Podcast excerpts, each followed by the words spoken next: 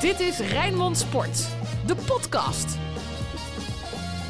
Goeiedag, welkom bij Podcast Feyenoord met Dennis van Eersel, Sinclair Bisschop. Mijn naam is uh, Frank Stout. Ja mannen, Interlandweekend. Dat betekent dat we weer uh, de podcast gaan opnemen met video erbij. Ja, nu kan iedereen jou, uh, jouw vette DJ-set zien. Dit is nieuw hè? Dit ja. is, ja. Het ziet er goed uit hè? Het ziet er goed de, uit, maar ik vraag me wel of ga je nu ook een motor kopen en dat soort dingen. Met zo'n midlife crisis. Ja, Mijn buurman heeft wel een cabrio gekocht van de week. Oh. Dus, en die is 40 plus, dus ja, dan schijnt het, schijnt het erbij te horen. Dus nee, ik, uh, ik heb er zin in, uh, man. Het is, we zitten in het Mediacafé trouwens. Ik pak gelijk de camera weer. Het Mediacafé van Rijnmond.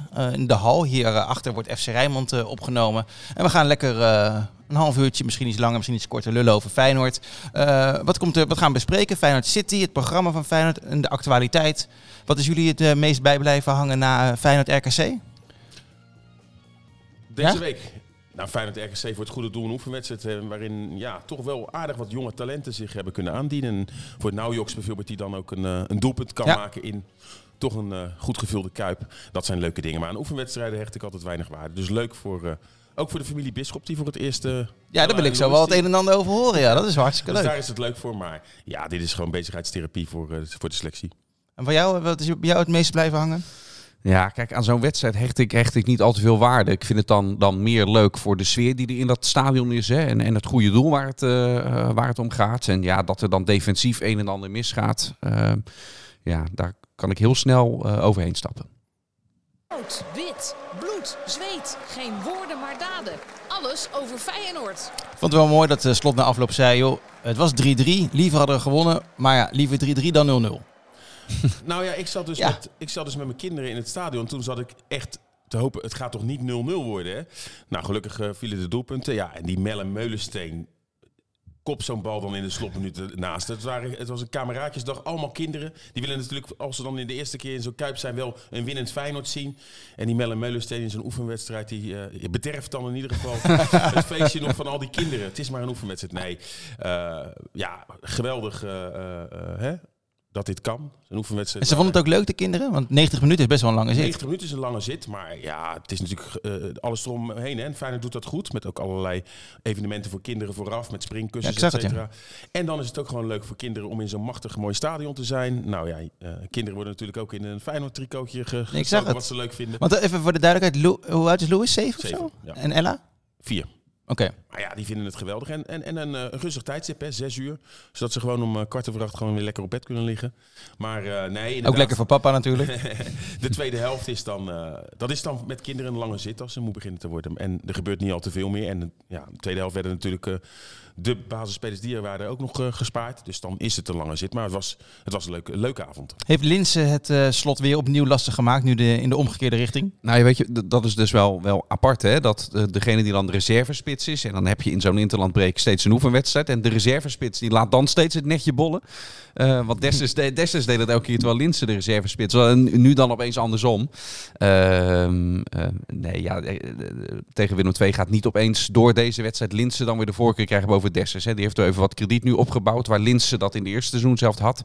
Uh, dus uh, het is goed voor Linse, het is goed voor Feyenoord. Want dan kan hij als invaller dit misschien, wat dat deed Dessers ook dan ook in de echte wedstrijd laten zien. Uh, maar volgens nog lijkt de pikorde mij wel even duidelijk. Maar wat er opviel, in de eerste minuten kreeg Dessers een levensgrote kans. En normaal gesproken schiet hij ook zelf. Maar misschien wel door de kritiek in de arena dat hij de bal breed had moeten leggen, ging hij geforceerd op zoek naar Linse. Nou, die paas was al niet goed. Uiteindelijk had Denzel Hall die bal weer binnen moeten schieten. Maar ja, dat doet ook met een spits als er dan kritiek is dat hij te zelfzuchtig is. Hè? Want dit was gewoon één op één. Normaal gesproken maakt hij natuurlijk honderd keer zo'n doelpunt. Dus dat viel wel op. En ja, kijk, Linse scoort nu. Maar ik denk dat een training voorafgaand aan een wedstrijd scherper is dan deze oefenwedstrijd. Je merkt het ook aan Senesi en alle andere spelers. Het was allemaal een beetje met de handrem, handrem een beetje spielerij. Zo nu dan wat hakjes. Dus uh, nee, het was gewoon echt een veredelde oefen, uh, oefenpot. Dus uh, dat Senesi er misschien niet helemaal goed uitzag met die goals, dan maakt daar moet je niet te veel waarde aan hechten. Nee, echt niet. Dat, je proeft ook gewoon, en dat zie je dan ook denk ik heel goed ook als je het stadion een keer anders kijkt dan op een perstribune, dat dit echt met de handrem erop was. Echt met, met, met 60, 70 procent. Er werd veel gelachen. En ja, wat ik zeg, er zullen, zullen ook gewoon eigenlijk trainingen zijn die wij niet zien, waarbij ze ook partijvormen doen. Nou, misschien scoort Linse daar ook aan de lopende band, maar ja, op basis daarvan zal de trainer geen uh, waarde hechten uh, aan hoe een opstelling eruit moet zien. Volgende week gaat het weer op worden gebouwd naar, naar Willem II. Ja, het is alleen uh, lullig voor die keeper, hè? Nieuwe keeper die dan de kans krijgt. Drie, drie keer komt RKC voor de goal en drie keer is het raak. Ja. Hoe heet die ook alweer? Kojokaru. Kojokaru. Ja. ja, ja, dat is wel grappig. Hè? Uh, dankzij dit nieuwe DJ-setje dan, uh, dan kan je makkelijker dingen laten horen. Ja. Uh, de persvoorlichting van Feyenoord, die heeft dan... doen ze altijd, ja. Doen ze, ja, nou, nou, nou, dat, dat kunnen wij best aan ons publiek laten horen natuurlijk. Want zo spreek je dus de naam uit. Kojokaru. Ja, Kojokaru. Kojokaru. Nou, en hoe deed hij het? Ja, je kan er weinig van zeggen. Ja, hij, heeft, hij heeft amper iets, iets te doen. Ik, de, hij wordt niet de eerste, keeper, of, uh, niet de eerste keeper, hè? Nee, Marciano blijft staan. Voorlopig, Voorlo voorlopig ja. niet. Hè. Slot gaf aan tegen Willem II dat Marciano in ieder geval weer gaat keepen. Want uh, die heeft ook goede wedstrijden voor Feyenoord gekiept, zo zei hij erbij. En ja, het is heel pril om nu al een, een indruk te krijgen van deze doel. Maar bij de tegengoals nou, kan hij niet echt iets aan, aan doen. Hè. Die 1-2 keek ik nog even naar, was ook van dichtbij en hard. Dus dat is lastig positief. Vond een paar keer dat hij wel goed zijn, zijn goal uitkwam en de, de situaties uh, las. En dan ook gewoon een bal de tribune in hengst. Ik vind dat ook een kwaliteit als je de oplossing anders niet hebt om, om het dan maar zo te doen in plaats van echt in de problemen komen. Maar ja, deze wedstrijd was ook niet een graadmeter om hem nou eens te testen van uh, kun je hem in het echi ook opstellen. We gaan toch niet heel de podcast over RKC, Feyenoord, RKC? Nee, natuurlijk niet. de training hebben. Nee, helemaal niet. Nee hoor, ik heb nog allemaal andere, andere dingetjes. Uh, over over uh, spraakberichtjes gesproken. die, die Zweedse rechtsbuiten, hoe heet die ook alweer? Wollemark. Nou, dat zeg je nu wel. Patrick Wollemark. Patrick Wollemark. Nou, hij zegt het zelf als volgt. Patrick Wollemark. Dit is uh, wat we dan Patrick Wollemark. Nou. Ja, Patrick Wollemark. Patrick Wollemark. Nee, Patrick. Patrick. Patrick Wollemark. Patrick, Wo Patrick Wollemark. Nou, dan weten we dat. Dat heeft hij zelf ingesproken. Hoeven we nooit meer uh, fout te doen. Niet Wollemark, Wollemark. Ja, maar we zijn wel in Rotterdam, hè? Ja, nee, zo is het. Ja, maar er zit geen natte thee in, hè? Nee, maar we hebben jarenlang Thomas Raas... Dat zeggen we nog steeds Thomas Raza. Daar klopt ook geen hout van. Die, maar die heeft het ook één keer uitgesproken. Ik heb mijn tong net eindelijk uit de knoop uh, gekregen. hoe, hoe je die echt moet uitspreken. Hey, waren er nou ook kleine spreekwoordjes in de Kuip? Ik, ik, las op Twitter uh, dat, er, uh, dat er uh, ouderwets gehamast werd en zo. Nee, nee, dat niet dat ik gemerkt oh, gelukkig heb. hoor. Niet goed. En, ja, überhaupt, zeker omdat er natuurlijk kameraadjes werken. Er werd weinig gezongen en dat die sfeer had je natuurlijk wel mee willen geven met je kinderen. Dus ik moet ook wel een keer, maar dat is natuurlijk moeilijk met mijn werk, een keer met een competitiewedstrijd met kinderen meenemen. Maar nee, ik heb helemaal niks gehoord. Oh, gelukkig. Maar, gelukkig. Nee, ik weet niet waar dat vandaan komt. Nou, er was wel even een fluitconcertje van die kinderen na de 1-1. Ja, en ook de, de, de, de Nou, ik vond het mooi. Ja, ja, ja. En uh, ouderwets met die duimpjes zo naar beneden. Witte zakdoekjes. Toen de RKC scoorde. Ja, dat vond ik wel, dat vond ik wel mooi. Hey, jij was ook bij, uh, bij Jong Oranje deze week, hè? Ja. Uh, maar geen, uh, geen Geertruida. Geblesseerd, hè?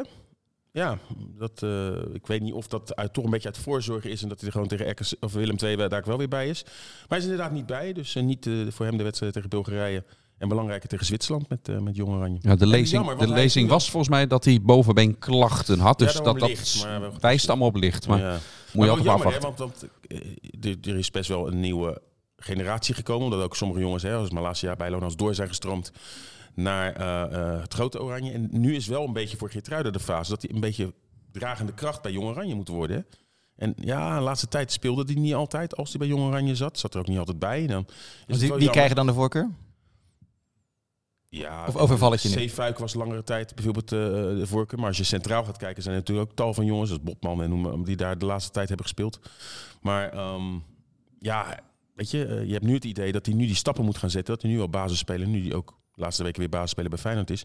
Basis spelen bij, eh, bij Jong Oranje moet misschien wel moet worden. Of misschien een van de dragende krachten. Ja, ik zag wel trouwens een filmpje van, uh, van Geertruida dat hij uh, dat hij uh, een nieuwe carrière uh, is begonnen als rapper. Dennis, Ja, we hebben er samen gisteren even ik heb, naar. het ook, eh, eh, ik heb het ook gehoord. en? Ja, moet ik nou, moet ik nou de rapmuziek gaan horen? Dat is niet het Jij hebt het niet gehoord, hè, Sinclair, denk ik. Nee, ik heb het niet gehoord. Nee, ik, Maar je viel me inderdaad net. Rens is bijvoorbeeld een concurrent. En mhm. ik zat er gelijk even over na te denken. Ja, nee, nee, heel goed, heel goed. Sorry Maar, dat je eh, overviel. ga, ga over de rap. Nou ja, ik, uh, het is niet helemaal uh, onze, onze, onze stilo, om het zo maar te zeggen. Nee, maar je, kijk, wat ik, ik zie wel dat die gasten van geniet en, en die mensen om hem heen. Dus, uh, maar mag ik het laten horen? Want ik denk dat Ja, de mensen wel, wel, benieuwd zijn. Want er hebben niet heel erg veel mensen naar, naar gekeken. 4000 keer slechts in een week dit, deze track van... eh, Het is beter dan die rap die jij ooit met Ver en met name Biseswar hebt, uh, hebt opgenomen voor, uh, voor Rijnmond. Dat is wel lang geleden, ja. Dat, Dat, is was, wel, dat eh, was zo goed. Dat staat nog steeds op YouTube. Het is een, van, een, goed bekeken video ja, ons. ook, hè. De- de rap 150.000 met, keer. eh, zoiets. Uh, Ver en uh, Wijnaldum en Biseswar. En, en Biseswar. is echt lang Ja, die lach, jij kent het stukje toch ook? Die lach, Ja, ja, die lach van Ver, die blijft zo verschrikkelijk geniaal. Dan hadden ze een papiertje en dan ging ze een Feyenoord-rap maken. En Ver ziet op een gegeven moment dat Biseswar, die heeft alleen nog maar Feyenoord boven, bovenaan staan. Die gaat helemaal stuk. Als je hem nog nooit hebt gezien. Ja, het, mooie, eh, het mooie is dat toen Ver terugkwam, een jaar of twee, drie geleden, en eh, ik was daar. En hij zei, oh, dat filmpje van Ja, die rap, ja. Dat, weet je, dat, dan weet je dat, dat wist, dat wist hij nog steeds. En ook met, met Wijnaldum wist het ook nog. Ja, dat zijn, eh, dat zijn mooie dingen. En ik hoop dat, eh, dat eh, het filmpje van Lutcherel, Geertruida, Als samen Feyenoord met nou naar Double gaat, T on top. als Feyenoord nou naar Ja. gaat, dan kun je even testen of Jocks, eh, of, of die deze vernedering zelf, zelf ook nog weten. Dan ben ik heel, en ik heb ook ooit nog een keertje een filmpje gemaakt met de vader van eh Diego Biseswar, met Astrando. Ja. Die was de... Maar ik leid je af. Knal, knal die rap erin. Even 40 seconden, Mr. eh Lutcherel Geertruida. Ja, dat is de tijd waar we nu in leven. Al die ijs op je gericht, dat geeft jou een kick. Na een lange dag weer osso komen is de zegen. Ik kijk in de spiegel als ik weer een fout bega. Ze weten niet, maar toch velen die weer oordelen. Heb mijn ijs aan de prijs, kijk hoe hard we gaan. Laat het bus niet met je mind en met je ziel spelen. Alles heeft een reden, het is wat het is. Werd een voorbeeld in de hoed zonder dat ik het wist. Hoe kan je hart op een ander, dat is wat ik niet begrijp. Al die L's die ik gepakt heb, die nemen we lijf. Weet waar ik vandaan kom, mijn lijf was niet easy.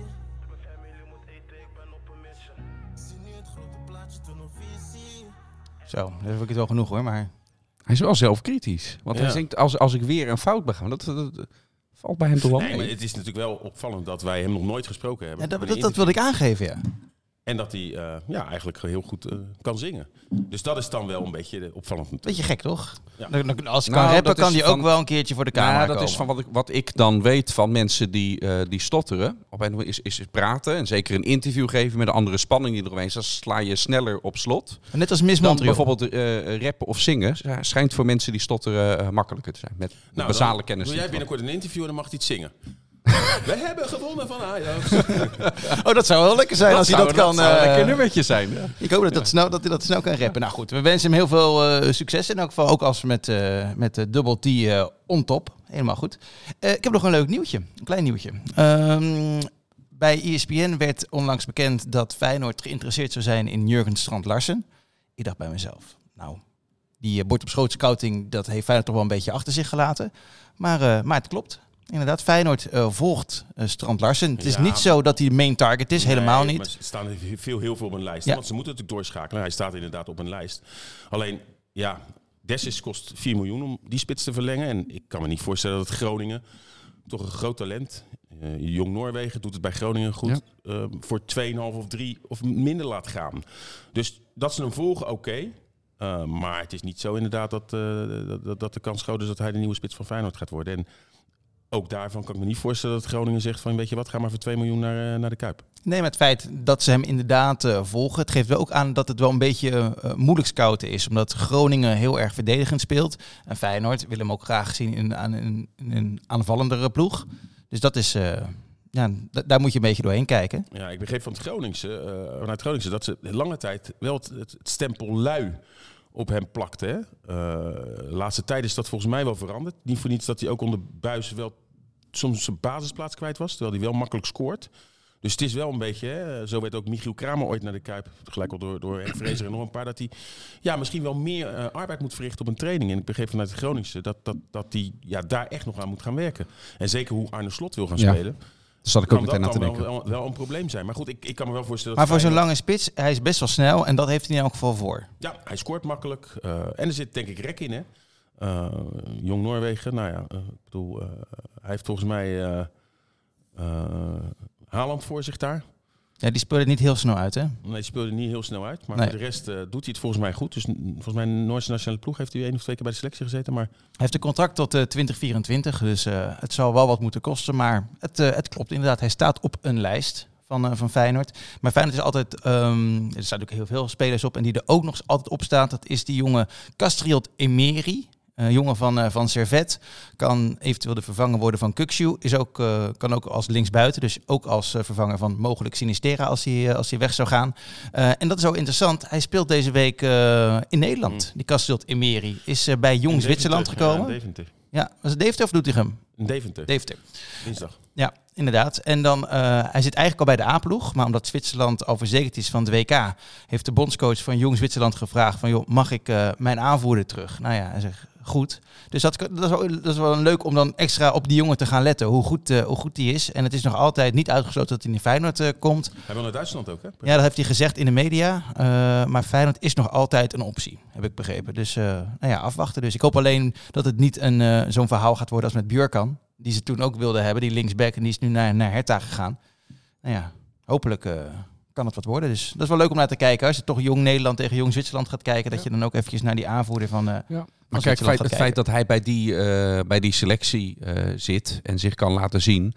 Hij heeft de tijd om te wachten natuurlijk. Hij hoeft niet nu al voor Feyenoord te kiezen. Als, als je eventueel kan, kan wachten, geef hem eens ongelijk. En, en er komt, net als met die Björk, er komt uiteindelijk een Bundesliga-club voorbij. Uh, ja, dat zal dan aanvankelijk toch misschien de voorkeur ja, ja. Maar, en Genoma is ook geïnteresseerd. naar uh, Hertha BSC. Ja, die vallen bijna uit de krant in de Bundesliga. Zou je dan toch niet voor je ontwikkeling, ja. en zeker Björkan heeft ook gezien hoe Uisnes en, en, en Pedersen zich bij Feyenoord ontwikkelen. Dan weet ik nou niet, misschien financieel wel, maar of Ik dat denk dat het financiële plaatje natuurlijk ja. al, al behoorlijk anders ja, en, en dan de Bundesliga die dan bij jonge spelers in Noorwegen en alles misschien wat meer tot de verbeelding spreekt. Maar ja, als je heel slim bent, kan je misschien juist via Nederland, ja. zo hebben heel veel Scandinaviërs uiteindelijk de top bereikt. Ja. Is dat misschien een betere stap? Ja, dit is een Zwitser, hè, voor de duidelijkheid. Maar dat maakt niet, maar dat maakt niet uit ja, natuurlijk. even op Björkan. Ja, bijvoorbeeld ook ja. die verkeerde keuze maakt. Willen jullie nog iets sportiefs uh, doornemen? Anders uh, wil ik graag uh, Feyenoord City eventjes kort aanhalen. Nou, misschien is het wel leuk om nog reclame te maken over de man die vandaag 30 is geworden. Ja, hangt een beetje vanaf wanneer je dit kijkt. Hè? Of we dit, nou kijk, want we nemen het, we kunnen nu wel eerlijk zeggen, we nemen het op vrijdag op en mogelijk zijn we het pas maandag uit. Omdat oh, het is niet live dit? Nee, nee, oh. nee, dat is gek hè. Ja, jij, jij doet eigenlijk alleen maar shows waarin je live ja, zit, Dennis. Ja. ja. nee, dat is niet live. Nee, nee, ja. nee. Maar inderdaad, Gernot Trauner, 30 geworden, afgelopen vrijdag. Vandaag maakt niet uit wanneer je dan ook uh, kijkt. Hij is al bijna 31 ondertussen. Wat wij erover zeggen. Nou, uh, vertel eens, maak eens reclame, want je hebt volgens mij een heel leuk filmpje met hem opgenomen. Het is een, uh, ja, het staat eigenlijk pas net, net online. 30 vragen aan Gernot Trouwen, 30 is geworden. Ik heb er eigenlijk 36 gesteld, maar de zes minste knip je er dan uit. Hè. En nee, het is gewoon, hij is natuurlijk saai. Het is een beetje de vlees geworden saaiheid. vindt hij dat zelf ook? Dat vindt hij zelf ook, ja. Hij zegt, ja, ik ben ook niet zo sprankelend. Ik ben gewoon rustig op het veld, naast het veld. Ik, ik hou van mijn kinderen en ik hou van voetbal. En uh, ja, hij houdt ook van Rotterdam. Hij heeft hier heel erg naar zijn zin. Hij heeft een uh, jaarabonnement op Blijdorp. Dus het zou goed kunnen dat hij op zijn verjaardag eventjes naar het Blijdorp gaat. houdt enorm van de natuur. Vindt het ook belangrijk dat die dieren in Blijdorp grote ruimtes hebben. Ehm, ja, Alleen en... die honden scheid overal, hè? De shit, de shit on the streets. Ja, ja, dat is zijn grootste ergernis aan Nederland. Dat hij, uh, toen hij vlak in Nederland was, het een van de eerste dingen was dat hij in de kak uh, stapte. Uh, hij zegt, waarom ruimen jullie niet gewoon je eigen poep op van, van, de hond? Dat doet, in Oostenrijk loopt iedereen met een zakje. Waarom gebeurt dat hier niet? Dat is zijn grootste ergernis. Nou ja, hij vindt Arne Slot vindt hij geweldig. Hij lacht met Jens Toornstra, de grappenmaker in de kleedkamer. Ovie Marciano is zijn grootste vriend in de selectie. Hij wil werken aan zijn linkerbeen en aan zijn snelheid. En ook al is hij nu 30, Denk je dat het nog steeds kan? Ronaldo, uh, liever dan Messi. En zijn jeugdheld Bastian Schweinsteiger. Nou, dat, zijn, uh, dat zijn gewoon wat een paar kleine dingetjes. En uh, er staat een video op YouTube van 12 minuten. Ik ga niet zeggen dat het de moeite waard is. Moeten mensen zelf maar lekker ja, gaan kijken. moeite waard. En ik heb uh, gesproken met de ontdekker van Gernot Trauner. Dat is uh, Willy Schuldes. Die zag hem voor het eerst spelen toen hij 14 was. En die, hij werkte toen voor ja, de, uh, zeg maar de soort jeugdopleiding van Las Klins. Dat wordt dan daar uh, betaald ook door de federale staat in, uh, in Oostenrijk, dat gedeelte. En hij vond het een hele goede speler, alleen hij was veel te stil, veel te timide. En hij was toen destijds, begon hij als centrale, niet middenvelder, verdedigende, sorry, verdedigende middenvelder. Is toen naar achter gehaald, maar als centrale verdediger moet je heel veel praten. En dat, dat durfde kleine Gernot niet. En toen zeiden ze, joh, dat wordt wel een probleem voor je. En toen hebben ze bedacht, iedere maandag gaat de week beginnen in de kleedkamer met een mop van Gernot. en dat vond hij helemaal niet leuk. Nee. Uh, hij was echt bang om voor de groep uh, te spreken. Nou, dat ging naarmate de maanden vorderden steeds beter. Ja, en toen werd hij uiteindelijk via SV Riet een paar jaar de leider van Las Glins.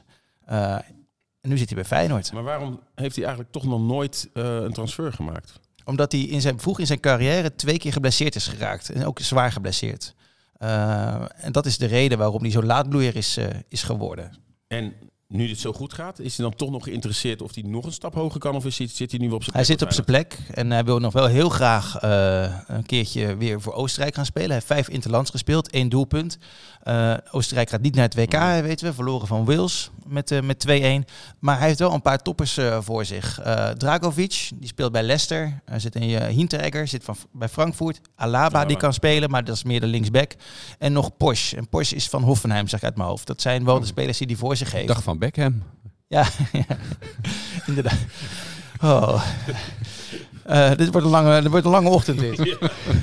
Ehm, dus dat zijn jongens die hij voor zich heeft. En nou ja, uh, Gernot uh, dus 30 uh, geworden. De, ja, de kans is groot dat het einde verhaal is in, bij de Oostenrijkse nationale nou, ook omdat het, ik kan soms ook serieuze dingen zeggen. Ook omdat ze nu het WK natuurlijk niet ga je doorselecteren. Ga je doorselecteren, kom je eerder bij een jongere garde. Want je werkt nu toe naar het toernooi waarbij hij dan al 32 is. Kan nog wel. Maar kan me voorstellen dat ze daar misschien, zonder dat ik iets weet van wat voor lichting erachter zit, dat ze voor jongere gasten. Ja, precies. precies. En hij, hij zegt zelf, ja, ik vind het wel jammer. En eigenlijk vind ik, weet ik ook wel dat ik het goed doe bij Feyenoord. Maar ja, het is aan de bondscoach. Dus heb je weer een saai antwoord. En dat is ook de reden waarom ik het niet alleen maar over voetbal met hem heb uh, gehad. Want als je dat gaat doen, dan ja, val je van het ene cliché in het andere cliché. En daarom vind ik het leuk om ook de mens achter hem uh, te leren kennen. En wat leuk is dat Sinistera bij Colombia gelijk een basisplaats had. Hè? Gelijk, ja, uh, dik een uur gespeeld. Ja. Dus wat dat betreft, uh, ja, is dat voor de marktwaarde. Dat is wel ja. lekker, ja. Goed, ja. Ja, ja en dat uh, het Braziliaanse wereldwonder, hè? Ja, dat is toch knap? Ja. Dat ze die hebben opgegraven. Ik en, weet niet hoe ze die hebben opgelapt, want die was, ja, die was er zwaar aan toe. 75 minuten gespeeld. Ja, dat is Anders waren het er 90 geweest natuurlijk. Jawel, jawel. Eén assistje geloof ik. En ik geloof dat hij ook weer een, een strafstrop heeft veroorzaakt, wat eigenlijk kantje boord als vrije trap strafstrop. Toch is, maar even op de stip. Het, het, het wordt ook met de dag gênante. ja. Wat er toen afgelopen zondag in die uh, Johan Cruijff Arena heeft plaatsgevonden. Ja. ja, iedereen is zo over eens. En ach, hij is nu geschorst tegen Groningen. Lekker belangrijk. Zullen we gewoon uh, ja. het even over Feyenoord City gaan hebben, Dennis? Want wat ik me afvraag, hè, uh, neem maar even een slokje. Dit, uh, we gaan het niet heel lang over hebben hoor. Maar wat ik me afvraag, in twee maanden tijd ja. moeten er drie plannen worden beoordeeld. Of een nieuw stadion, of een vernieuwd stadion, zeg maar de moderne Kuip. Of uh, het vernieuwde stadion volgens de BAM-constructie. Ja. Zeg ik het goed? Ja, nou, laten we even voor, de, voor het overzicht even een paar ja. maanden terug in de, in de tijd. Hè. Feyenoord besloot het vertrouwen op te zeggen in dat stadionplan wat er, uh, wat er lag. Wilde eigenlijk gewoon stoppen met Feyenoord City. Toen is het drie dagen lang, misschien kunnen, kunnen we dat allemaal nog herinneren, op, op het gemeentehuis ook vergaderd van, uh, ja, met alle andere belangen die er zijn. De, is er niet toch een manier te vinden dat we eventueel door kunnen gaan? Nou, daar is dit dan vervolgens uitgekomen. Feyenoord gaat alles herijken. Zoals uh, Gérard Mousseau dat, uh, dat zegt. En uit dat herijkingsproces zijn dan nu drie plannen overgebleven. Een nieuwbouwplan opnieuw. Um, het is natuurlijk een doorstart van dat vorige plan wat er ligt. Maar uh, daar wordt echt nog wel aan geschaafd. Ik kan me zomaar voorstellen uh, um, dat er ook gewoon echt een ander ontwerp uitkomt. Sowieso een heel nieuwe business case. En dan heb je twee renovatieplannen die uit de kast zijn gehaald. Het plan van de moderne Kuip, waar ze uh, meerdere gesprekken mee hebben gevoerd met de mensen daarachter. Erwin Ekelaar en, en consorten zijn dat. Hè. en dat BAM-plan van een aantal jaren geleden waar je aan refereert. Dat heet dan nu het FFC-plan. Feyenoord Founders Consortium. Um, um, en inderdaad, ja, in twee maanden tijd kun je het beoordelen, kun je het naast elkaar leggen. De vraag stellen is een beantwoorden. Het is denk ik ook meer wat er nu uit gaat komen uit dat rapport, meer weer een, een, een, richtlijn. Hè, een punt weer in, in de verte op de horizon. Als dat er nu in de volgende maand uit dat rapport ook komt van oké, dit plan is het. Zoveel gaat het opleveren. De financiering hebben we ook al rond. Nee, dat verwacht ik niet. Maar het is wel een boodschap, ook richting de Raad van State en die zaak die daar dient. Hè, van had dat bestemmingsplan nou wel goedgekeurd mogen worden, al politiek gezien. Daar zitten ze ook te wachten op. Oké, okay, welke kant wil Feyenoord nou op? Wordt het nog nieuwbouw? Wordt het renovatie uh, op de plek van de oude Kuip? Komt die nieuwbouw wel op die plek waar het allemaal beoogd was? Over dat soort zaken moet Feyenoord wel echt duidelijkheid gaan geven. Maar feit is, alles wat het ook wordt, gaat nog een tijdje duren. Ja. Wat gaat er nu concreet met de huidige Kuip uh, op korte termijn gebeuren? Want ik ben er dan afgelopen uh, week als supporter geweest. En ik hoor natuurlijk al die klachten van supporters al, al, al langere tijd. Van dat, ja, qua wc's, qua eigenlijk Ja. alles wat er zelf nodig hebt. Ja, het is, het is, het is, Het is op. nou, het is op. Het, is gewoon een verwaarloosd stadion. Het is de dat er verwaarloosd, helemaal niks aan Ja. gedaan is. En eh, ja, het is natuurlijk prachtig als je eenmaal op je plekje zit en je kijkt gewoon naar het stadion, hoe alles erop en eraan. Maar ga eens naar eh, beneden of ga eens richting eh, de toiletten en alles. En je schrik je eigen soms het apenlazerus. Dus ik, ik, we krijgen heel veel klachten, hè? Nou, dat weet je ook. Ook heel veel mensen die dat, dat allemaal maar aangeven. En ja, wij zitten natuurlijk met name vaak op de pesttribune. Uh, en weten dan niet precies hoe het is bij die uh, vakken achter de goal en alles. Nou, daar ben ik dan nu ook geweest. En dan schrik je wel eens, ja. Hoe zie jij dat? Ja, het zijn, nou, wat mij betreft zijn dat eigenlijk twee trajecten die ook nog los van elkaar staan. Want dit is gewoon het noodzakelijk onderhoud aan je onderkomen. Wat je hoe dan ook moet doen. Want dat hebben ze lange tijd ja, ja. helemaal niets meer mee gedaan. Op het moment van ja, het is zinloos om daar miljoenen tegenaan te smijten. Omdat ja. we zo goed als zeker naar een ander stadion gaan. Klopt, en dat, maar, maar dat is al een beetje van de baan. Hè? De, de opleverdatum zoals die er ooit was, als het nieuwbouw wordt. Maar ook wanneer je klaar bent met renovatie. Uh, dat ligt weer, weer net iets anders natuurlijk wel. misschien kan dat iets korter duren. maar hoe dan ook, ehm, heb je daar al een flinke vertraging op wat het, wat het oorspronkelijk was. Dus je moet iets doen uh, met de Kuip zoals dit er nu staat. Kost alleen ook echt wel flink wat geld. Ik heb me ook, ook daarover een keer laten bijpraten. Van, wat, doe nou eens een, een kostenschatting van uh, wat dat is. En dat, dat, dat, het bedrag wat er toen, een beetje natte vingerwerk wat mij werd, werd voorgesteld. Maar dat gaat ook al snel richting de 20 miljoen dat je misschien nodig hebt. Zo. Om echt de boel. Gewoon achterstallig onderhouden. Maar moet Feyenoord het allemaal betalen? Tussen de 10 en 20. Uh, stadion, stadion Feyenoord. Ja, stadion Feyenoord in dit geval. Nou ja, en we kennen de cijfers van Stadion Feyenoord. Zeker als er geen nieuwbouwplan uh, komt um, en je dus de, de, het geld aan Goldman Sachs moet terugdragen. Ja, dat, dat is gewoon een heel erg groot probleem. Maar dat het moet gebeuren, daar is iedereen het over eens. Uh, daarom wordt er dus ook gekeken naar die renovatieopties. Ook dat wordt erin meegewogen. Want hé, hey, daar um, um, zitten ook investeerders bij die ook dit meteen erin mee willen pakken. Uh, bij het nieuwbouwplan niet, of in ieder geval nog niet. Daarvan is die financiering sowieso ook nog niet rond natuurlijk. Dus ook dit zijn allemaal dingen die daarin worden meegewogen in het totaalpakket van wat kost het de club. Want indirect kost het Feyenoord, als het niet goed gaat met stadion Feyenoord, gaat het ook niet goed met de voetbalclub. Hè? Die zijn gewoon met elkaar verbonden. Dus dat kun je niet helemaal los van elkaar zien. Uh, dus ja, maar dat linksom of rechtsom daar ook geld voor moet komen. Was duidelijk. Ja. En puntje bij paaltje is dit dus ook een kostenpost. Van je kan zeggen, hey, je verkoopt Sinister, je verkoopt Kuxu voor veel geld. Um, ja, eventueel op de, moet, zal de club daarin misschien dan ook water bij de wijn moeten doen en dus ook weer daar iets van moeten afdragen. In is een optie. Hè? Ja. Ik zeg in hoeverre, er komt nu natuurlijk een nieuw college, er is natuurlijk gestemd. Uh, ja. In hoeverre is dat belangrijk wat betreft de ontwikkeling en eventueel geld wat ja. richting, uh, richting een, nou ja, stadion gaat. Dat wordt natuurlijk gigantisch interessant. En nu Leefbaar uh, opnieuw de grote winnaar is geworden. We weten natuurlijk nog niet of er in tegenstelling tot de vorige keer of zij ook in de, in de coalitie gaan. We weten in ieder geval Robert Simons van Leefbaar is natuurlijk uitgesproken in het stadiondossier die eigenlijk al zegt, het, het, is al klaar. Laten we nou gewoon doorpakken met die woningbouw op Zuid, met die impul impulsen aan, aan die wijk. En, en laat Feyenoord maar zijn tijd nemen om te, om te beslissen die haken laten aan. Even gechargeerd, dat is een beetje ja. zijn boodschap. Maar als je dan straks in, in de coalitie zit en je hebt andere belangen, het blijft politiek, hè, dan moet je ook maar kijken van hoe heet wordt de soep dan gegeten, ja, wordt Feyenoord ja. toch weer extra tijd gegund. Want daar gaat het uiteindelijk ook straks weer op neerkomen. Feyenoord gaat met informatie komen, daar ben ik echt, echt zeker van in april. Zodat ook richting de Raad van State iets kan. Maar of die informatie zo gaat zijn van dit plan is het, hiermee gaan we door. Ik denk dat er uiteindelijk toch ook weer wat meer tijd weer gevraagd gaat worden. En wie gaat uiteindelijk de knoop doorhakken namens Feyenoord?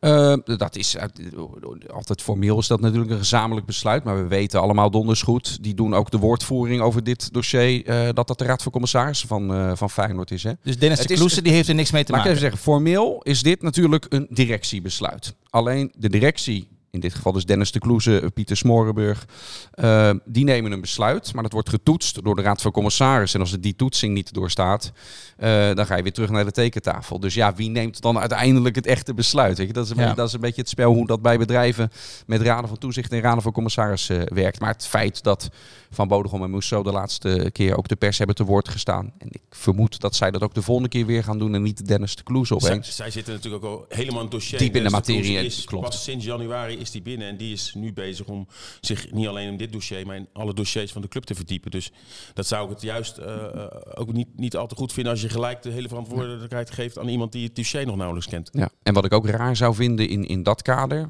uh, dat als de Kloes er dan nu opeens komt zitten en over Feyenoord City het verhaal doen, we hebben de man nog nooit uh, officieel gesproken in, in, in, in een interview setting. Ja, omdat hij bewust zelf ervoor kiest om nu eerst eventjes de club te leren kennen, ja. uh, alle dossiers. Ja, maar dan lijkt het me sterk dat hij opeens over ja. dit hoofdpijndossier uh, de woordvoerder ja, van, precies. van gaat zijn. Precies. Ik heb iemand, uh, iemand in de wacht zitten die we even kunnen bellen. Oh? Ja, de trainer van Feyenoord onder 18 is momenteel Oh, bij we gaan Chelsea. be- bellen met Boel. Bellen met Boel. Ja, Dit wordt een rubriekje. Bellen met nou dat zou hij zelf wel leuk vinden, denk ik. Want hij zit namelijk momenteel zit hij, eh, Ja, ik zag een foto op Twitter. Zit hij bij Chelsea samen met de, de Academy. En hij is, nu heeft hij, heeft hij een meeting. En hij stuurt, nou, ik kan nu wel eventjes... eh, Met Makalele. Oh. Zag ik een foto. ja, met, met Claude Makelele, inderdaad. Oh, wat leuk. Moet hij wel even opnemen natuurlijk. Ze moet even met bonjour. Ja, maar ik denk dat hij redelijk, eh, redelijk Engels spreekt. Wat is dit nou Nee, allemaal? Hij stuurt, hij stuurt... Ja, Melvin sowieso. Kijk, daar is hij hoor. Melvin, Melvin, goedemorgen. goedemorgen. Je zit al live in de podcast, eh, Melvin. Zijn de mooie dingen. Hè? Samen met Dennis en, eh, en Sinclair. Eh, jij zit nu momenteel bij Chelsea met eh, de Academy. Ja, dat klopt. Ik ben samen met Freddy Klaassen, onze topsportbegeleider, zijn wij naar Chelsea afgereisd voor een paar dagen om te kijken hoe, hoe ze dingen hier doen. En eh, wat wij daar weer gaan kunnen opsteken richting ons. Uiteindelijk is dat ook iets wat wij nastreven. Als je wil dat spelers zich iedere dag ontwikkelen en, en beter worden, dan moet je dat zelf ook doen. En eh hebben we via Frank Arnees de mogelijkheid gekregen om hier een aantal dagen naartoe te gaan. Dus dat eh, bevalt uitstekend, naast het eh, fantastische weer hier in Londen. Ja, nou, het is hier ook lekker weer, hoor, Melvin. Dus voor het weer had je niet weg hoeven gaan. Ehm, wat is nou de, hetgene wat je denkt van... Ja, dit kunnen we nou echt leren op, het, op Varkenoord? Nou, het, zit soms in kleine dingen, soms in grote dingen. Wat mij het meeste hier opviel is, waar wij eigenlijk wel binnen ons gebouw de, de, de spelers echt afscheiden van wat wij doen. Dus de kantoren echt afscheiden van de spelers. Doen zij dat hier juist niet. Dus waar de spelers bijvoorbeeld hun videobeelden kijken naar een wedstrijd, is echt direct naast de kantoren van de trainers.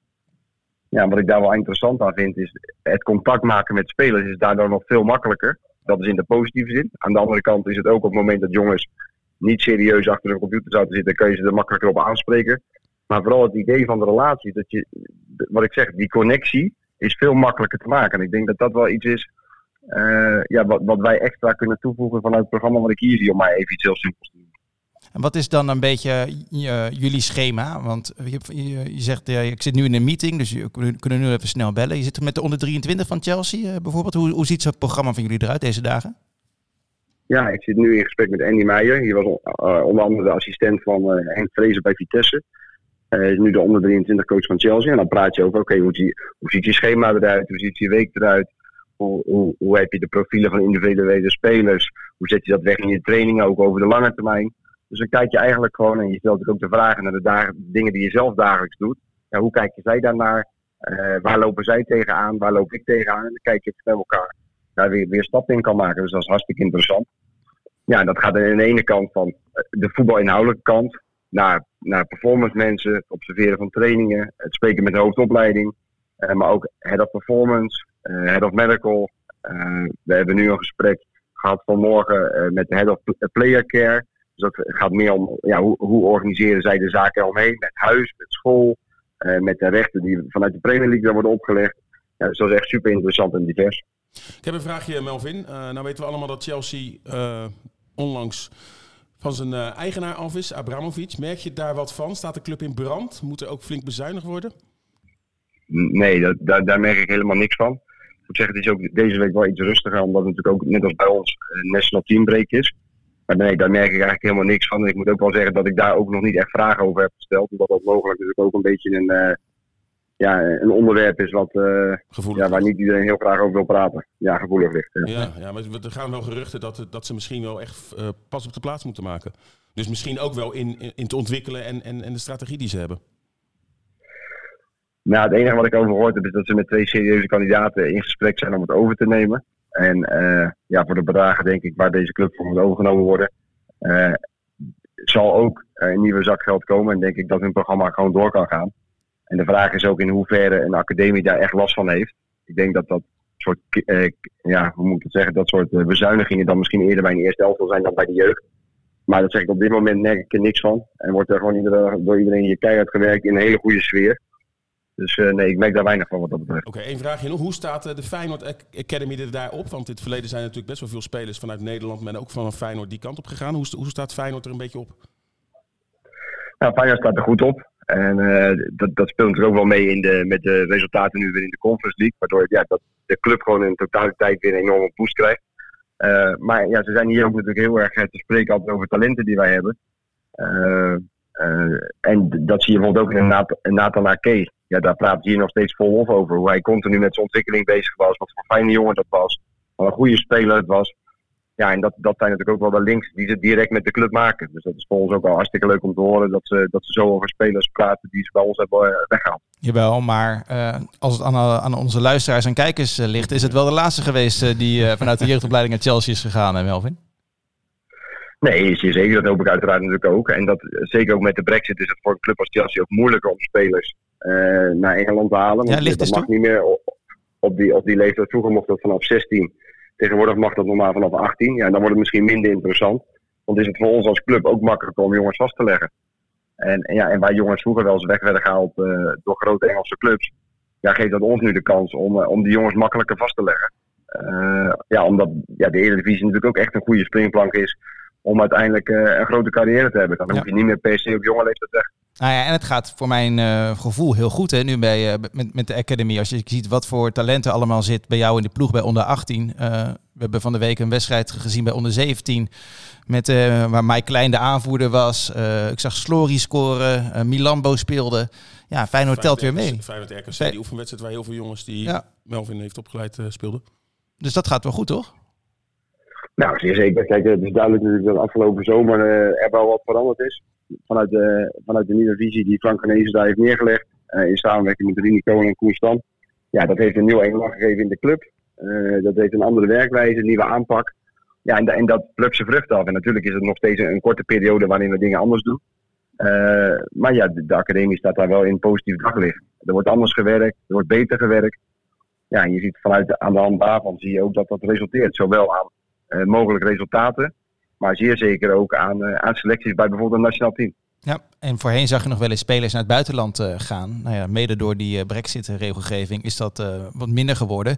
En nu is Feyenoord zelfs spelers aan het buiten, van het buitenland aan het halen. Er komt een, een jongetje van 15 vastgelegd. is dat een nieuwe koers, dat jij weet? Of uit Zweden komt die? Nou, kijk, het is altijd moeilijk om de jongen gelijk een stempel te geven. ik moet zeggen, ik heb een aantal trainingen meegemaakt. en dan was ik enorm onder de indruk van die jongen maar ja, uiteindelijk moet je kijken hoe dat ontwikkelt. Maar ik vind dat hij uh, zowel naar zijn mentale aspect als naar zijn fysiek uh, en ook zijn voetbalkwaliteiten, ja, vind ik een hele interessante speler. Maar ik denk dat we daar niet direct de druk op moeten leggen. Oh nee, nee, nee, maar het gaat mij er meer om, Melvin. Dat, uh, het gaat mij er meer om dat je dat je ook oog hebt voor die markt. Uh, dat je niet alleen maar meer jongens uit, uh, uit Spijkenissen uh, en, en Capelle gaat halen. Maar dat je ja, in het verleden wel... altijd al. Jeppe Koert en ik kan me nog wel veel ja, meer... dat is echt lang geleden. En, die, en Hansson en zo. Maar ja. het, zie, je, zie je dit vaker gebeuren of niet? Nou, daar gaan we denken omdat je als Feyenoord zijn de beste spelers wel aantrekken. En dat kan ook direct voor de eerste elftal. maar daar hangt er vaak een, een financieel prijskaartje aan. Uiteindelijk, op het moment dat je jongeren spelers kan scouten met een bepaalde kwaliteit, dan probeer je zo snel mogelijk binnen te halen. En ik denk dat, dat wat je nu ziet met de, met, met de clubvisie die we nu hebben en de werkwijze, dat ook het plan toptalent uit andere landen enorm aantrekt. Want het plan wat er nu ligt, ja, dat is gewoon echt uh, indrukwekkend. En daar willen jongens ook onderdeel van zijn. Jongens voelen dat ze zich kunnen ontwikkelen op de dingen waar ze op dit moment misschien nog tekort in komen. Dat het een heel breed programma is, niet alleen op het voetbalinhoudelijk gedeelte, maar ook het performance of het mentale gedeelte.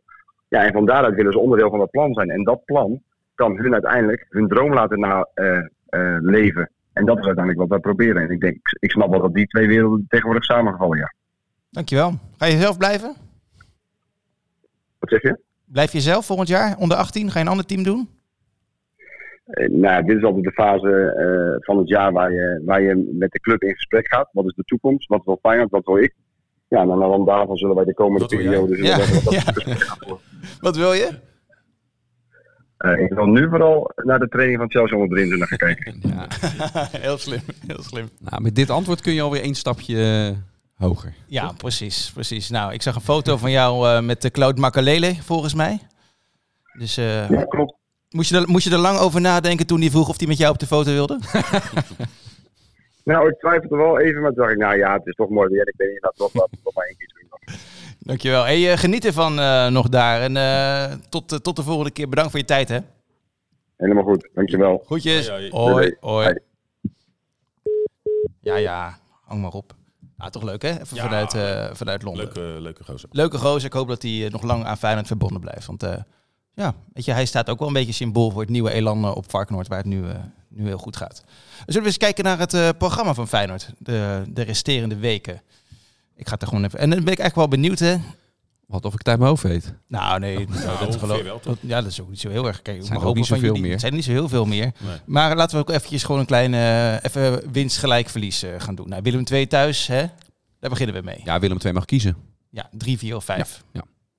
Kevin Hofland gaat het helemaal dicht uh, Oh ja. maar uh, Sinistera Ja, dat- mogelijk... Lukt het en tegen AZ niet helemaal. 2-2. Nou, een beetje. Nee, eh, eh, 2-0 voor Feyenoord. En dan hebben we Praag thuis. Ja. Daar moet het verschil gemaakt worden. Ja, dat vind ik zo'n 50-50 eh, wedstrijd. Maar ik denk thuis wint Feyenoord. Ja, toch? Gelijk spelletje en winnen in Praag. Oh ja? Oh, dat zou wel... Nou, eh, weet je, het, het- ik, ik, net als de Wolf vond ik het ook een vervelende loting. Je hebt natuurlijk, eh, iedereen heeft op zijn netvlies, ja, Feyenoord won daar makkelijk van. Nou, won thuis helemaal niet Ja. makkelijk. Eerste helft was geweldig. Tweede helft echt met hangen en wurgen won Feyenoord. En die tweede wedstrijd, rode kaart Til, heeft Feyenoord met 10 man gewoon geweldig gedaan en verdiend die later gelijk maken. Maar ik verwacht wel een sterker eh, Sparta Praag. En als je tien keer tegen Praag gaat spelen, ga je er echt wel een paar keer verliezen. Want ze, ze hebben echt wel een paar goede, goede voetballers lopen. Dus eh, ik denk dat het moeizaam gaat worden. Maar ik denk dat over twee wedstrijden Feyenoord uiteindelijk wel doorgaat. Dan hebben we Heracles uit, zonder publiek. Vind ik echt heel raar Zonder Zonder sorry, Ja. zonder uitpubliek, ja. Dat vind ik wel een beetje raar hoor. Dat je precies dat ene vak moet dan leeg blijven. Ja, dat is ook bij NEC nu, hè? NEC, ik was vorige week bij NEC Sparta. Dan, ja, dan mogen, er- mochten er ook geen uitfans bij. eh, Kijk, het is eh, niet, niet alleen bij Feyenoord. Hè. Het is alle resterende Ja. wedstrijden. Ook de laatste speeldag Heracles-Sparta. Moet je je voorstellen, Sparta Zo. zich daar rechtstreeks veilig speelt. Ja, En dat je kan het andersom dan niet. Dat ze, dat ze daar eruit gaan. Ja, ja. Ik weet niet of de achterban daar dan graag bij had willen, willen, willen zijn. Nee, maar dan mis je wel dat extra steuntje in de rug. natuurlijk. Ja, maar dat andere is, stel je speelt je daar veilig Ja. en je kan het niet vieren met je fans, is natuurlijk nee, ook... eh, maar het slaat nergens op. De uitleg is dat het Ja. stadion niet helemaal goedgekeurd is en dat er niet te veel mag worden gesprongen. Eh, maar doe dan in een andere gedeelte van het stadion, laat je die supporters. Dat komt bij NEC, oké, dat uitvakken is dan afgekeurd. ja. Daar is nog steeds niks aan gedaan. Dan Dat zie je is nog steeds raar, dat die tribune ja. is. Dan zorg je dat er een andere vak Ja. eh, vrij wordt gemaakt. En, en, en ja, ik vind het wel een soort van competitievervalsing. Ja, ik vind het ook gek. Dus dat wordt nog wel lastig, de denk ik. marathondag, hè? De dag van de marathon, ja. Oh, die, maar dan wint Feyenoord. Heracles Op de dag van de marathon wint Feyenoord heel vaak. Ja, hè? dan lopen mensen met van die oortjes in. En dan, Dat is eh, wel zo, want ik, dan, ik dan zit, dan zit dan vaak op de motor. ja. En dan eh, heb ik altijd positieve mensen. We hebben een keertje Cambuur hebben we laatst gehad. Hè. Dat was PSV. de Ja, PSV, uit keer. met, met die goal van Jan Maat, Ja. die geweldige goal. De marathondag is Feyenoord goed gezind. Laten we hopen dat het eh, weer zo Ja, is. en ik vind Heracles dit seizoen eh, toch wat minder dan de jaren hiervoor. Ja, zeker. Dan hebben we Praag uit. Nou, we- volgens Sinclair eh wint Feyenoord eh, daar. Dat wordt een groot feest in de stad weer. Dat zou tof zijn. Wel zin Ja. in. Wel zin Maar in. ja, ook daar misschien geen uitfans, hè? Ja. Wanneer wordt dat wordt eind Dat van deze maand bekend, hè? Ja. Ja, het definitieve oordeel van de UEFA is daarover nog niet eh, geveld. Maar ik weet, bij, bij Feyenoord, vorige week gemeld ook, Ja. zijn ze toch erg eh, twijfelachtig of daar wel fans eh, Ja. mee mogen. En dat heeft dan te maken met het feit dat er in het uitvak bij Partizan twee keer een fakkel Ja, werd en nog wat afgestoken. andere dingen die de UEFA dan heeft gerapporteerd als zijnde van eh, gedro- wat dat inhoudelijk dan Weet je dat? precies... eh, ik weet niet Want ik was, in, dat- ik was in dat Ja, uitvak ik ook en daar, ik heb eh, inderdaad... Daarom verbaasde het Ja. mij ook zo. Ik had zelfs die, die fakkels niet, niet gezien. Ja, ik dat, wel, maar- dat. Het waren er twee. En ook bij, die, eh, Ja, bij de bussen. Bij, ja, ja, ja. Dus er kwam een fakkel ook vanuit Partizan, die gooide Feyenoord terug en andersom. Feyenoord gooide Ja. Ja, maar, ja, goed. Even afwachten dus. Dan een vrij weekend, bekerfinale. Helaas, een vrij weekend. Ja. Hoezo? Nou, het was toch gaaf geweest als Feyenoord... Oh, zo, sorry. ja, Nee. Ze zijn al zo lang uitgezaakt. Je denkt, daar Ja. ben- je inmiddels wel overheen. Maar Ja, nou, jij, ik jij, vind de jij nog beker- niet. Ik vind de beker altijd tof. ja, ik ook. Ja. Maar dat is nu, eh, nu Ajax PSV. Dus dat vind ik wel een mooie bekerfinale in elk geval. Nou, Fijn dat jij het mooi vindt. Inderdaad, waarvan akte. Utrecht thuis. Met Dick Advocaat misschien eh, mogelijk terug, eh, terug in de Kuip. Met Rick Kruis. En dan, eh, dan daarna... Het is geen, geen makkelijke eh, Nee. op voorhand trouwens. Is niet zomaar gelijk een drietje. Het is geen Willem II thuis. Dan eh, zag je wat leuks voorbij lopen, Sinclair. eh. ja, je bent scherp. Nee, hij zat te denken aan wel, wat is ook wel de wedstrijd daarna. Weet je hem? Fortuna uit? Nee, we hebben eerst nog een halve finale. Marseille thuis. Ja, Ja. als Nee, maar niet. Die zou eventueel dus daar kunnen zitten. En dan heb je Fortuna uit en dan de return. eh Pauw kan ook nog. Kan ook, kan ook. Dan is het inderdaad eh halve finale thuis, Fortuna uit, halve finale uit. Dan PSV thuis, thuis. Go Ahead Eagles Nou, die uit. kunnen ook kiezen. Go Ahead Eagles uit, Twente thuis. Albanië En finale. en finale. Tirana. Waar er geruchten waren dat hij niet in Tirana gespeeld zou worden, mogelijk hè? Is dat zo? Dat Ja. heb ik helemaal niet Daar mee. heb ik ook iets van, eh, iets van gehoord hoor. Ja, dat u even eh, overwoog om hem te verplaatsen. Maar dan zag ik laatst weer dat, dat, eh, dat die geruchten naar het Rijk der Fabelen kunnen worden verwezen. Maar wat, wat zou de reden zijn dan? Ja, dat het daar toch dingen niet in orde waren. uh, Oké, oh zo. Waardoor, Van qua- Oké. ja, waardoor de finale verplaatst zou worden. Dus dat was ze bij de loting horen, was En was een hele paniek. loftrompet over dat zo, zo op schema. Maar er was heel veel paniek onder Feyenoord supporters die allemaal al eh, tickets hadden geboekt. Heel veel Feyenoord supporters, Ja, weet klopt. je, die hebben al richting Ja, Tirana. ja, ja. geboekt. Die hadden allemaal zoiets toen dat Dat hoorde ik al. er kwam. Zo, wat gebeurt er nou en nu? Maar eh, die- de kans is 99% dat die finale gelukkig gewoon in Tirana Ja, gespeeld gaat de worden. verwachting eh, van mensen die ik heb gesproken in Servië, die al een ticket hadden, richting Albanië. Ze verwachten dat er daar zeker nu al 200, 300 man van Feyenoord, Feyenoord supporters, dat denken ze dat ze die ook kennen, die richting eh, Tirana gaan. Ja, bizar hè? Ja. En die zitten straks misschien wel gewoon naar, naar Marseille tegen Leicester te kijken. ja, maar dat, Ja. dat, ja, klinkt natuurlijk, je wilt dat Feyenoord erin zit. Maar dat is toch ook op een gegeven moment een, eh, een onvergetelijke ervaring voor sommige mooi. supporters om daar gewoon een Europa Cup finale mee te maken. Natuurlijk, het mooiste zou, zou Feyenoord zijn. Maar ik kan me zo voorstellen dat ze dan ook een... eh, de, een Dat hebben ze ook een geweldige trip. Ja hoor. Kijk, en nu kun je het nog doen voor een, eh, voor een prijs dat als je zeker weet dat Feyenoord er staat, ja, je weet wat er met de vluchten gebeurt Ja. op het moment dat er een Feyenoord-loting is. Ja. Dus Mensen die ik Je heb hebt- je hebt gesproken, sowieso tickets mooi- van het is- 150 euro. we hebben aan, eh, aan, aan Wie is de Mol kunnen zien dat het een schitterend land is ook. Dus dat is sowieso Heb ik mooi. nooit eh, voor. Heb je wel wat gemist hoor. Was het dit jaar? Met Ja. Freesia, ja, toch? met Freesia. Ja. Ja, met Welmoed Seidsman. Freesia won. Ja, ja, maar die lag, er, die lag er al snel uit, toch Ja, wel? dat en, helaas al heel snel uit. ja, dat is jammer, ja. En Letetia deed, eh, deed mee. Die ken ik Dat een, niet, joh. was een leuke editie. Ken ik helemaal. Ik- Als we het hierover gaan hebben, ga ik afsluiten, hoor, denk ik. Met jullie wel nemen. Of hebben jullie nog eh, iets heel wat op jullie hart ligt? Wat je heel graag kwijt wil? Dan mag het, hè? Ja, nee, ja, je kan nog wel doorpraten over Wie is de Mol. Nee. Nee? Heb jij nog iets, Sinclair? Maar dat lijkt, jij bent, ook, jij bent ook, ook tv-maker, eh, puur zang, vanuit, vanuit de origine. Dat is toch een geweldig programma om aan, om aan mee te werken, maar ook om, ja, om naar te nee. kijken. Als, eh, als ze me nu vragen, joh, ga je mee met Wie is de Mol om daar tv te maken? Ja. Dan ga ik gelijk mee. Want dat kan is- toch? En als Matthijs dan ook, die weet, iedereen kent jou. Of Matthijs eh, van Nieuw, jij mag Matthijs zeggen. Oh, dat was gênant, hè? Dat zaten we aan tafel daar bij de Wereld Daardoor. En hij zegt, ja, iedereen kent je in Rotterdam. Ja. Ja, ja, ja. Ja, ja, en dan kun je toch ook aan Wie is de Mol meedoen? Ja, nou ja. eh, maar hij wie, wie presenteert het? Art Rooijakkers? Nee. Nee. Oh, Eh, hier kan je eh, nagaan. Rick van der Rick Westerlaken Nou ja, ik heb er allemaal geen verstand van. Daar kijk ik Ja. niet naar. Maar goed, we gaan nu afronden. Bedankt voor, eh, voor jullie komst. Mooi jasje aangedaan, eh Sinclair. Moet je de camera daar even pakken. Dan zeggen wij bedankt. Dit was een geweldig publiek. Het was een fantastisch publiek, dat, eh, dat sowieso. Eh, tot zover deze podcast eh, Feyenoord. Heb je dit nou gekeken? Dit ga ik heel professioneel doen, Dennis. Doe dan even een duimpje omhoog en schrijf wat even in de comments op YouTube. Dat vinden, dat vinden we wel leuk. Of mensen het eh, voor herhaling vatbaar vinden. En zo of, eh, knol. ja, Hey, en ik vind volgende keer gaan we weer een quiz er doorheen gooien. Dat, is wel, dat was wel echt leuk. ga ik doen. Ja. Dat ga ik doen. Ga ik eh, me goed voorbereiden. Heb je nog een... eh, ja, dan doen we misschien wat een soort... Als het nou Tirana gaat worden, dat we echt daar naartoe gaan... dan kunnen we wel een leuke eh podcast quiz maken met Europese fragmenten. Zo eerst eens winnen van Praag. En dan van Ja. PAOK. Je hebt helemaal eh, gelijk. Slash Marseille. Je hebt en dan over na gaan denken of we inderdaad... Het is bijna dit is de... een beetje Amsterdams dit. ja, maar we Dit spelen moet je niet, doen. we spelen Dit niet tegen een. Portugese club, hè? Dit moet je niet doen. Nou, oké. Nee. Bedankt eh, voor het kijken en voor het luisteren. En heel graag tot een volgende keer. Dag. Dit was Rijnmond Sport, de podcast. Meer sportnieuws op Rijnmond.nl en de Rijnmond app.